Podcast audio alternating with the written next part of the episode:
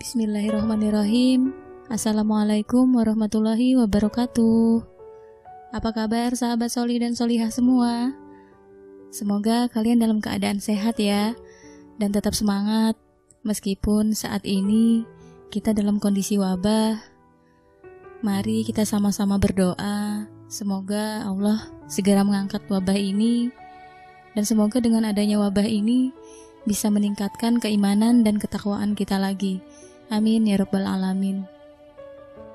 Uh, seperti biasa, ya, kita kembali lagi dalam program channel Minhajul Muslimin, ya. Kali ini saya akan membawakan materi dengan topik Almuk atau stalking akun medsos idolamu. Stalking adalah tindakan memata-matai akun sosial media seseorang tanpa diketahui oleh pemiliknya. Pernah melakukan hal konyol ini kan? Kira-kira akun sosial media siapa sih yang kamu intip dan membuat kamu kepo setengah mati? Hmm. Meskipun sah-sah saja sih melakukan hal ini, hingga menghabiskan waktu berjam-jam tanpa terasa, tetapi, apakah aktivitas stalking media sosial seseorang membawa manfaat bagi dirimu? Atau hanya sekedar main-main? Alih-alih ingin kepo dengan seseorang, kamu malah terjebak mencari tahu lebih dalam sampai tidak terasa sudah tengah malam dan akhirnya kamu pun tertidur pulas bahkan dalam keadaan belum merudu dan berdoa. Subhanallah, muslimah zaman sekarang rupanya punya amalan sendiri sebelum tidur ya. Bermain jet-jet memang hal mengasihkan. 1 sampai 2 jam tidak akan membuatmu lelah. Tahu-tahu waktumu sudah habis. Bukan hanya itu, kegiatan ini akan membuat seseorang kecanduan. Jika hari ini kamu memulai, esok kamu pasti akan mengulanginya lagi. Kondisi seperti ini tidak hanya terjadi pada satu dua muslimah saja loh. Bahkan terjadi pada banyak orang.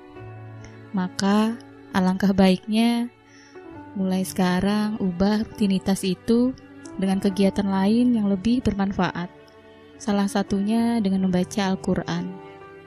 Salah satu surah yang dianjurkan untuk dibaca sebelum tidur adalah surah Al-Mulk. Surah Al-Mulk menceritakan tentang siksa di alam kubur.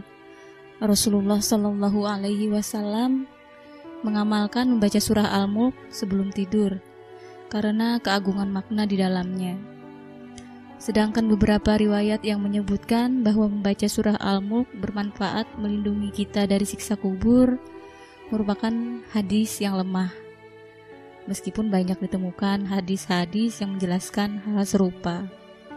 Tetapi kita perlu berhati-hati dan menelusuri kesohihannya. Untuk mendapatkan faidah dari surah Al-Mulk, dianjurkan membacanya setiap malam sebelum tidur.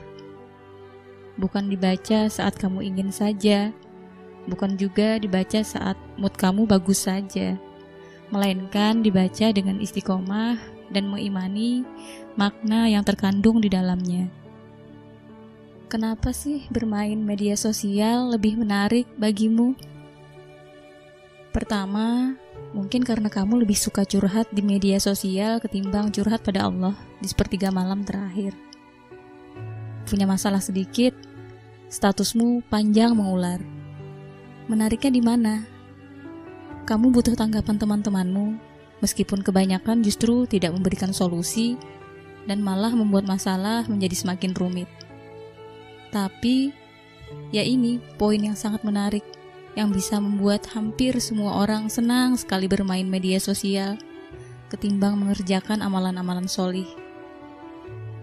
Yang kedua, media sosial jadi tempat kepo ternyaman. Kamu bisa stalking akun medsos tetangga sebelah, akun kakak kelasmu, bahkan akun dosenmu sendiri. Sosial media jadi tempat kepo paling menarik, sehingga benar-benar bisa membuat kamu betah. Yang ketiga, melihat kehidupan orang lain memang menjadi daya tarik tersendiri. Parahnya, kadang membuat kita iri dan akhirnya mengharapkan hal serupa. Padahal, kebanyakan orang berakting loh di media sosial. Mereka terlihat baik-baik saja, padahal di balik statusnya yang begitu happy, justru ia sedang mendapatkan banyak masalah. Tidak perlu iri dengan kehidupan orang lain di media sosial. Sebab hidupmu jauh lebih menarik untuk diperhatikan. Benar kan? Alasan lain kenapa bermain media sosial lebih menarik ketimbang beribadah? Karena bisa membuatmu lalai. Karena setan senang melihat hamba-hamba Allah menyimpang dari aturannya. Setan sedang mencari teman supaya bisa sama-sama melakukan maksiat. Jika dipikir, beribadah menjadi sangat berat disebabkan karena kita terlalu mencintai kehidupan dunia. Kita tidak rela meninggalkannya sebentar saja. Padahal, bukankah akhirat tujuan utama kita? Ketika kita berpikir kita layak masuk surga, lantas amalan apa yang membuat kita pantas mendapatkannya? Wassalamualaikum warahmatullahi wabarakatuh.